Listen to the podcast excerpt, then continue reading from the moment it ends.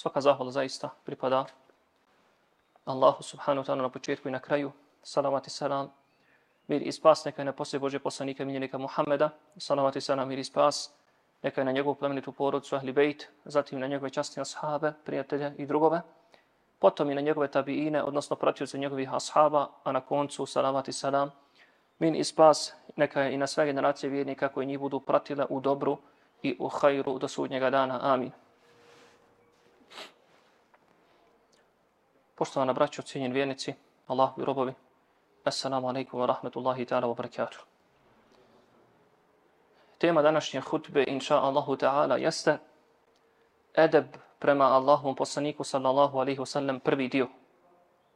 Imajući u vidu da se za par dana nalazi i da nam dolazi 12. dan mjeseca Rabi'ul Awwala 1443. godine po hijri, to jeste dolazi nam dan, odnosno datum, koji je prema najvjerodostojnijem mišljenju, prema najjačijem mišljenju dan i datum rođenja Allahu poslanika alihi salatu wasalam, imam potrebu i želju, naravno, da kažemo nešto o edebu prema Allahovom poslaniku sallallahu alaihi wasallam. Edeb kao takav ne treba previše detaljno ni definisati, jer je on sam po sebi kao termin, kao pojam već u mnogome izdefinisan, te više nego poznat i prepoznatljiv, barem što se tiče islamske terminologije.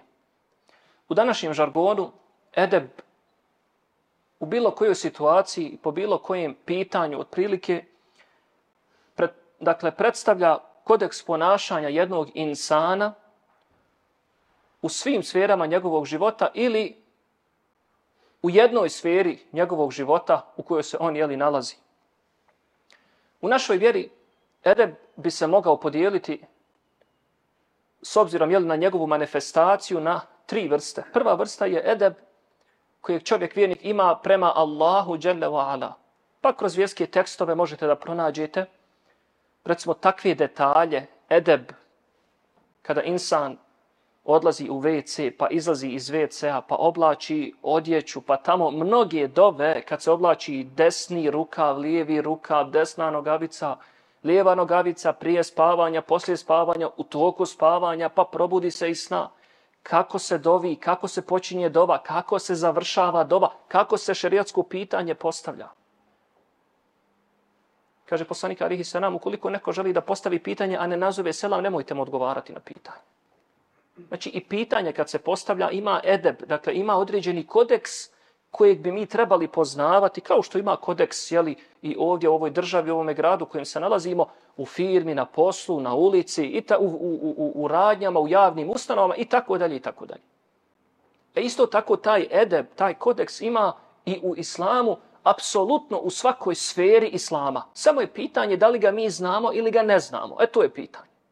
To je ne, nešto što nije riješeno do kraja. Dakle, prvo, edeb prema Allahu, recimo, jedan od najupečatljivijih edeba koji čovjek mora da ima prema Allahu, jeste lijepo mišljenje o Allahu. Pogotovo u musibetima, nevoljama. Kom je Allah želi dobro? Iskuša ga.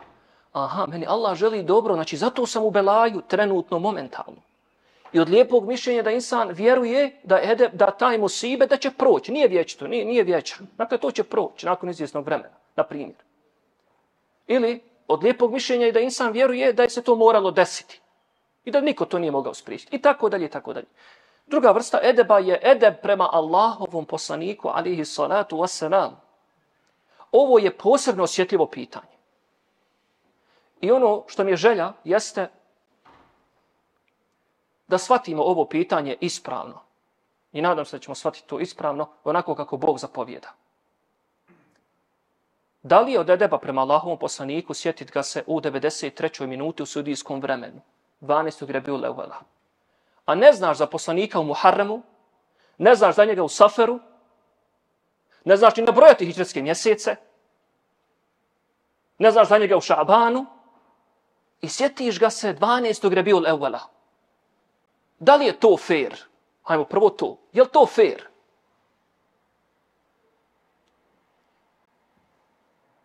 Je li to taj ede prema Allahom poslaniku? Normalno bolje ikako nego nikako sa druge strane.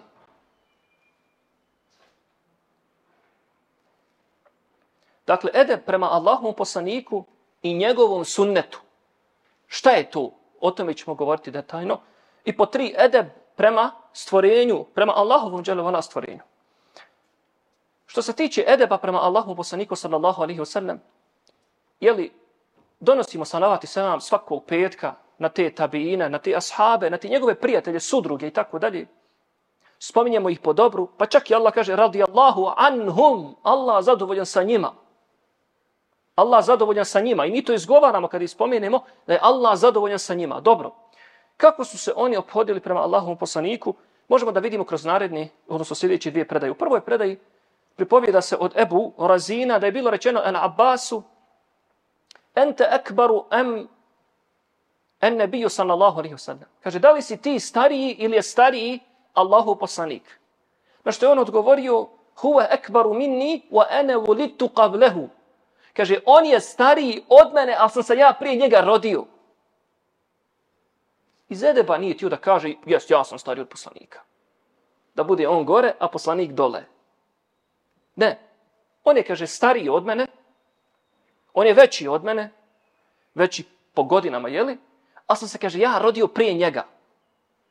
U drugoj predaji prenosi se od Elbu Taliba, Ibn Abdillah, Ibn Qajsa, Ibn Mahzeme, Mahreme, on od svoga oca, on od njegovog oca, da je rekao, kaže, Allahu poslanik sallallahu sallam i ja smo se rodili u godini slona. Pa je onda, kaže, Uthman ibn Affan upitao, upitao Kubatu ibn Ešjema, kaže, ente ekbaru em Rasulullah sallallahu alaihi sallam. Kaže, jesi li ti stariji ili je stariji Allahu poslanik? Jel, čisto informativno, onako, isto kod nas, kad neko kaže, ne znam, rodio se u godini olimpijade u Sarajevu ili ne znam, ti nija po nekom događaju, pa onako informativno upitaš, dobro, ko je se prije rodio? Jel? Na što je on odgovorio, Rasulullah sallallahu sallam, ekbaru minni wa ene akdemu minhu fil milad. Kaže, Allahu poslanik je stariji od mene, ali sam ja njega preduhitrio po pitanju rođenja. Dakle, ja sam se prije njega, prije njega rodio. Od prilike bi mogli sažeti ede prema Allahu poslaniku sallallahu sallam kroz nekoliko stavki. Prva stavka jeste ostvariti, postići i realizovati ispravno vjerovanje, ispravno ubjeđenje, ispravno svatanje pojma Allahu poslanik i tog njegovog sunneta.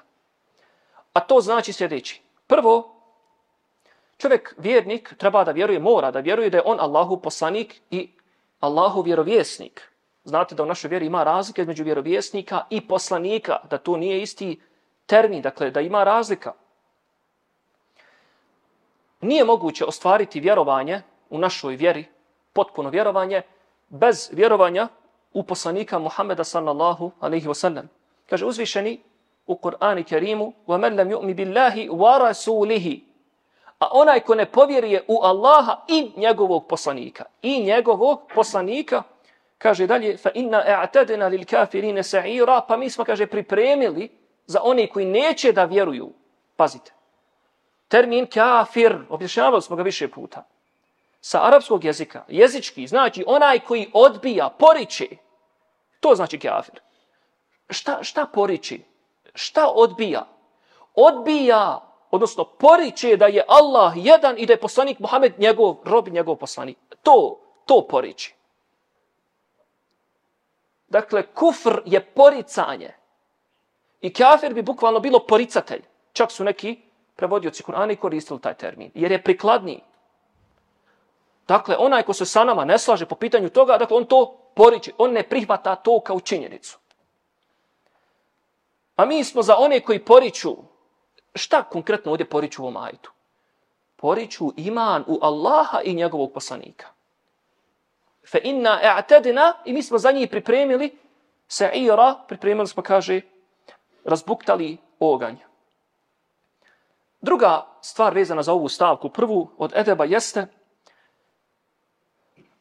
ako na početku povjerujemo i jezikom to prebacimo da je poslanik Muhammed, Allahov rob, Allahov poslanik, Allahov vjerovjesnik i tako dalje, onda smo dužni još jedan korak da učinimo. A to je da povjerujemo istinski u sve sa čime je on došao. To jeste da povjerujemo i u njegov nubuvet, to njegovo vjerovjesništvo, to poslanstvo i tu objavu sa kojim je došao. Od Ibn Omara se prenosi da poslanik sallallahu alaihi sallam rekao bunijel islamu ala khams. Pazite, islam je sazidan, sagrađen na pet temelja. Na pet temelja. Prvi temelj je naravno šehadet, da nema drugog Boga osim Allaha i da je Muhammed Rasulullah, da je on Allahu poslanik. Dobro. Druga stvar vezana za ovu prvu stavku od Edeba jeste ubjeđenje, vjerovanje da je poslanik Muhammed, da je on posljednji poslanik, da je on pečat svih poslanika. Neko možda može kazati, pa dobro, zar je to sporno? Jeste, braćo, sporno, imate Ahmedije koji to osporavaju. Ahmedije koji su kao sekta priznati u Njemačkoj, kao sekta su priznati u Bosni i Hercegovini, čak su prije par godina u, obez, u oslobođenju objavljivali svoju vaktiju i tako dalje i tako dalje. Oni vjeruju da imaju tam još neki ljudi nakon poslanika koji imaju ta određena nadnaravna jeli, neke mogućnosti, keramete i tako dalje i tako dalje. Mislim da je on njima čak početkom 90. godina da je dr. Fikret Efendi Arnaut čak štampo jednu malu brošuricu upozoravajući na njih. Te džamije, mesđide imate u Minhen. Savjestan vjernik, svjestan vjernik ne bi smio da klanja u tim džamijama. Jer namaz nije ispravan. Vrlo jednostavno. Dakle, oni vjeruju, po pitanju njihovog vjerovanja možete se dodatno raspitati, ali evo samo navodimo jedan kao primjer. Dakle, ima oni koji ne vjeruju u ovo do kraja. Dakle, ne vjeruju do kraja. Kaže uzvišeni ma kana Muhammedun eba ehadi mir riđalikum walakin Rasulallahi wa khataman nabiyyin. Muhammed nije bio niti jeste otac ni jednom od vaših ljudi, nego je Allahu poslanik i khatamun nabiyyin i pečat svih vjerovjesnika. Dakle, on je zadnji. To se isto tako može e, vidjeti, pročitati, shvatiti iz druge dvije predaje u kojoj stoji da je poslanik Ali Sanam rekao Ali ibn Abi Talibu Ente minni bi menzileti Haruna min Musa, kaže, o Alija, ti si meni toliko važan i tvoj položaj kod mene je toliki kao što je bio položaj Haruna, alihi salam, kod njegova brata Musa. Osim, osim što nema poslanika i vjerovjesnika poslije mene. Dakle, ti si meni bitan, važan, velik, kao što je Harun bio bitan Musau, osim što nisi poslanik. Eto. Sve što je bio Harun, Musau, to si ti meni, osim što nisi, osim što nisi poslanik. Dakle, nema poslanika i vjerovjesnika nakon Muhammeda sallallahu alaihi wa Druga stavka od Edeba, koja je potrebna i nužna da se ispuni, da bismo mogli da pričamo jel, o toj našoj, o, o, o Edebu, da bismo imali mi, da bismo bili od Edeba prema poslaniku alihi salatu wasalam, jeste potpuna predanost i apsolutna poslušnost Allahom poslaniku sallallahu alaihi wasalam. Dakle, ako vjerujemo u njega, a onda vjerujemo u ono sa čime je došao, a to sa čime je on došao je nešto slično Kur'anu, normalno i Kur'an, a onda i nešto slično Kur'anu, to jeste sunnet. A šta je sunnet? To su riječi, dijela i prešutna odobrenja Allahu poslanika sallallahu alaihi wasallam. Kaže uzvišeni, men yuti'i Allah, men yuti'i ir rasule, faqad ata Allah. Ko se pokori Allah, ko se pokori Allahovom poslaniku i posluša ga, istovremeno se već pokorio i Allahu.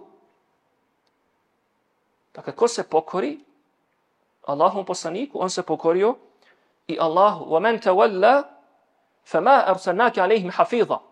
Ako leđa okrene, okrene leđa Allahu poslaniku, kaže, pa Muhammede, nismo te poslali da trčiš za njima i da im budeš čuvar. Pazite. Jer je legitimno u islamu da ko hoće neka vjeruje, a ko hoće da bude koji poriče, nek poriče. Fa men ša'a fel ju'min, wa men ša'a fel yakfur. Ko hoće neka vjeruje, a ko hoće neka bude kafir. To je legitimno pravo u islamu. I ovo je jedan od tih dokaza.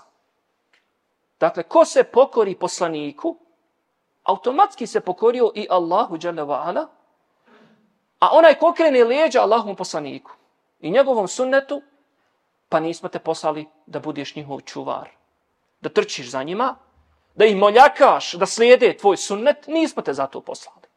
I ovo je jedna možda negativna pojava koju, bi, koju ćemo uskoro ukazati kroz naše hudbe i predavanja. Ubjeđivanje, ubjeđivanje u Kur'an i sunnet. Nema ubjeđivanja. Kur'an i sunnet se jedan put pojasni. Samo jedan put. Nema ubjeđivanja, jer učenjaci smatraju da to već ubjeđivanje i forsiranje na silu već prerasta u, u to da će insan hoće da, da triumfuje pobjedu neku.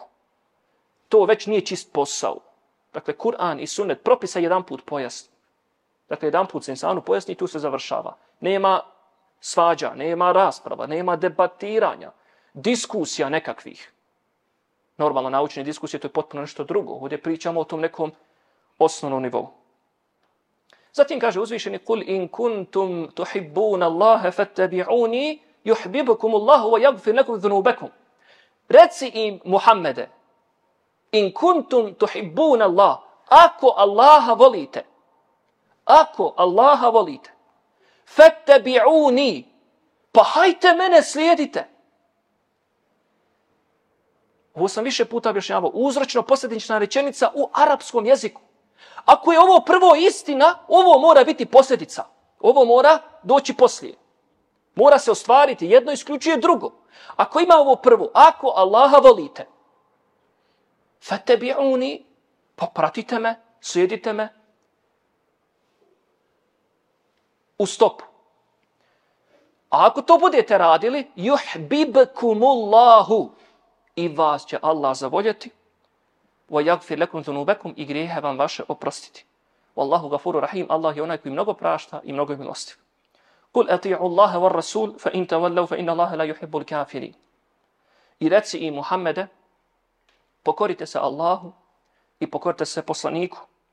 A ako leđa okrenite i odbijete, nemojte zaboraviti i imajte na umu da Allah ne voli one koji poriču. Allah ne voli one koji poriču.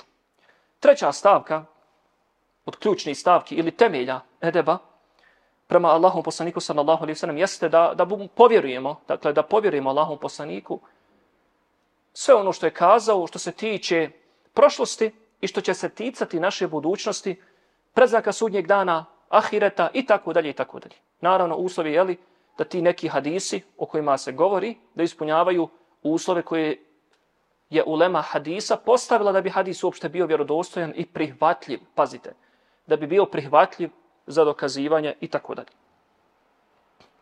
Kaže uzvišeni, "Wan najmi idha hawa ma dalla sahibukum wa ma gawa." Tako mi zvijezde, kaže Allah, tako mi zvijezde kada zalazi. Ma dalla sahibukum wa ma gawa. Ovaj vaš drug, ovaj vaš drug, prijatelj, ashab, to jeste poslanik, ma dalle, nije zaluto, nije zaluto, ne govori on gluposti. Wa ma gava i nije skrenuo sa pravoga puta. Wa ma yantiqu anil hawa in huwa illa wahyun yuha. Niti on govori, niti on priča iz have, iz svoje glave. In huwa illa wahyun yuha, to je samo objava koja mu se obznanjuje. Četvrta stavka od edeba prema Allahom poslaniku sallallahu alihi wasallam jeste da slijedimo Allahu poslanika u svim njegovim riječima i dijelima. Kaže uzvišeni laqad kana lakum fi rasulillahi uswatun hasanatun liman kana yarju Allaha wal yawm al akhir wa dhakara Allaha kathira. Kaže vi doista imate savršen primjer. Vi doista imate nešto što je urnek u Allahom poslaniku. Onome ko želi, ko se nada susretu sa Allahom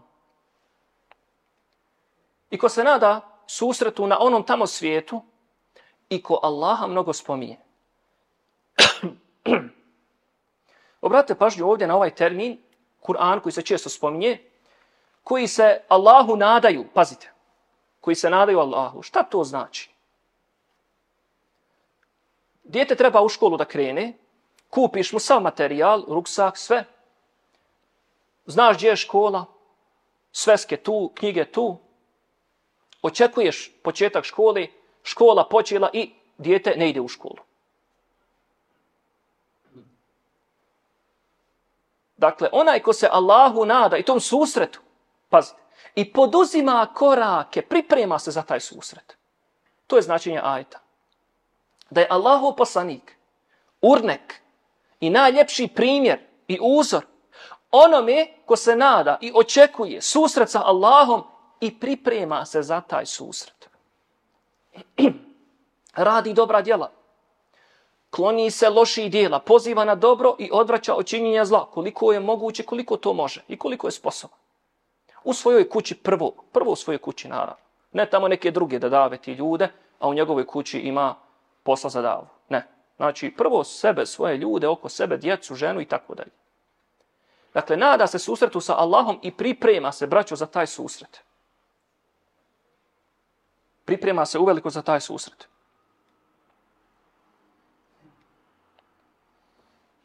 U jednoj dužoj predaji se spominje, otišli smo, kako kaže Malik ibn Huwairith, otišli smo kod vjerovjesnika sallallahu alaihi wasallam, kaže, imali smo približno isto godina, kod njega smo boravili 20 dana i noći.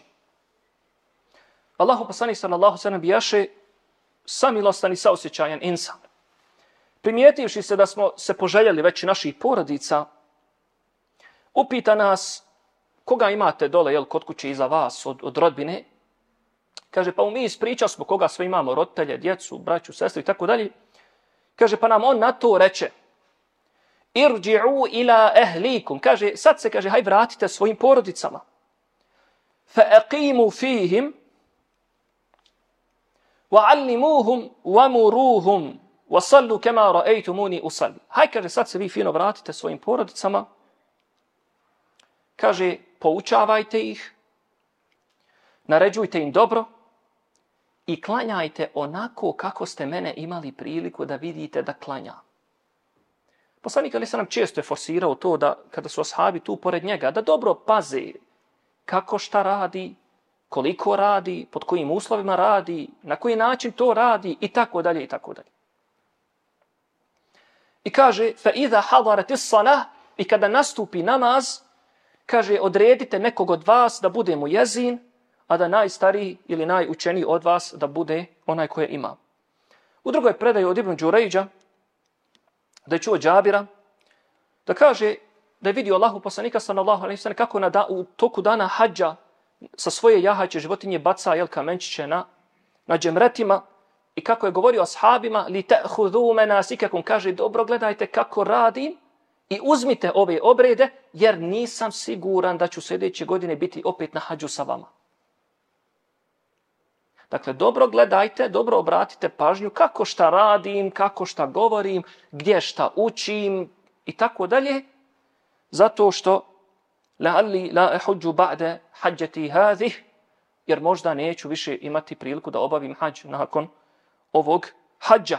Na osnovu ovog hadisa, Qadi Iyad je rekao, ta'atu rasul fil tizami sunnetihi wa taslimi lima ja'e bihi. Pokornost Allahom poslaniku sallallahu alaihi sallam se ogleda upravo u tome, u pridržavanju njegovog sunneta, njegove prakse, njegove tradicije, načina i kakvoće obavljanja ibadeta, wat taslim i predanosti. Dakle, ogleda se jutom da se insan preda, da da prednost Allahovom poslaniku nad sobom samim. I za kraj, dva modela, kako su to ashabi Allahovog poslanika, kad bi vidjeli dakle, nešto od sunneta, kako su oni to rezonovali, što bi današnjim žargonom bilo jeli rečeno. Sigurno su govorili, pogotovo Ebu Bekri i Omer, pa nije to baš tako, mogu se to drugačije poslaniće obaviti, ne znam, ovo ti nije trebalo i tako dalje, jel? Prilike tako je to možda funkcionisalo. Naprotiv, prenosi se od Omera, radi Allahu ta'ala anuhu, da je došao kod crnog kamena kod Kabe, kogod je bio na umri hađu, zna gdje se nalazi taj crni kamen, odnosno danas mali dijelić tog crnog kamena.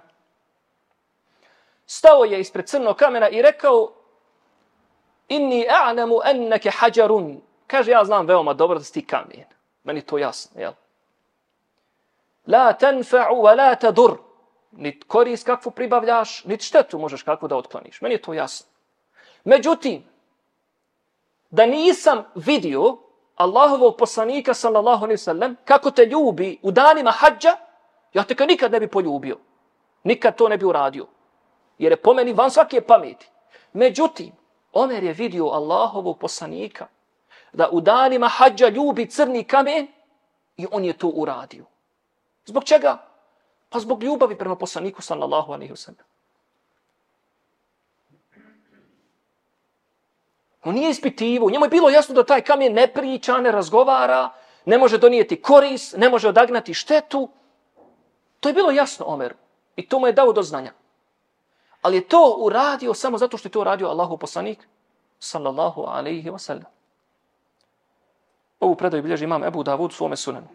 U drugoj predaji se prenosi od Ebu Sa'ida al-Hudrija i time ćemo završiti, inša Allahu ta'ala, da je Allahu poslanik jednog dana došao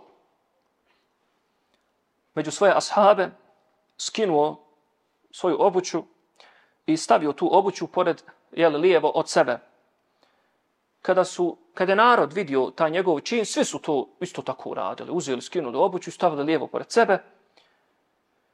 Kada je poslanik sallallahu sallam završio svoj namaz, on je rekao, ma hamelekum ala ilqa i ni'alikum, kaže, šta vas je navelo? Kaže, što ste na jednom svi skinuli obuću i stavili lijevo pored sebe? Šta vas je, jeli, potaklo na to? A oni kažu, pa Allahu poslanić, kada mi smo vidjeli da si ti to uradio, pa smo i mi to uradili odmah. Jel, bez, bez ikakve polemike, priče, nego se mi'na wa ta'na, čuli i pokorili se. Odnosno u ovom slučaju, vidjeli i pokorili se. A onda je poslanik Ali sam rekao, kaže, došao mi je Džibril alaihi salam i obavijestio me da na obući nekog od vas ima prljavštine. Zato, zato vas pitam, jel? Pa kada dolazite u džamiju, kaže, pogledajte tu obuću da na njoj nema kakve prljavštine. Naravno, misli se na šariatsku nečistoću, prljavštinu, dakle izmet, mokraću, krv i slično, tome je gnjoj, jer u tome se ne može klanjati.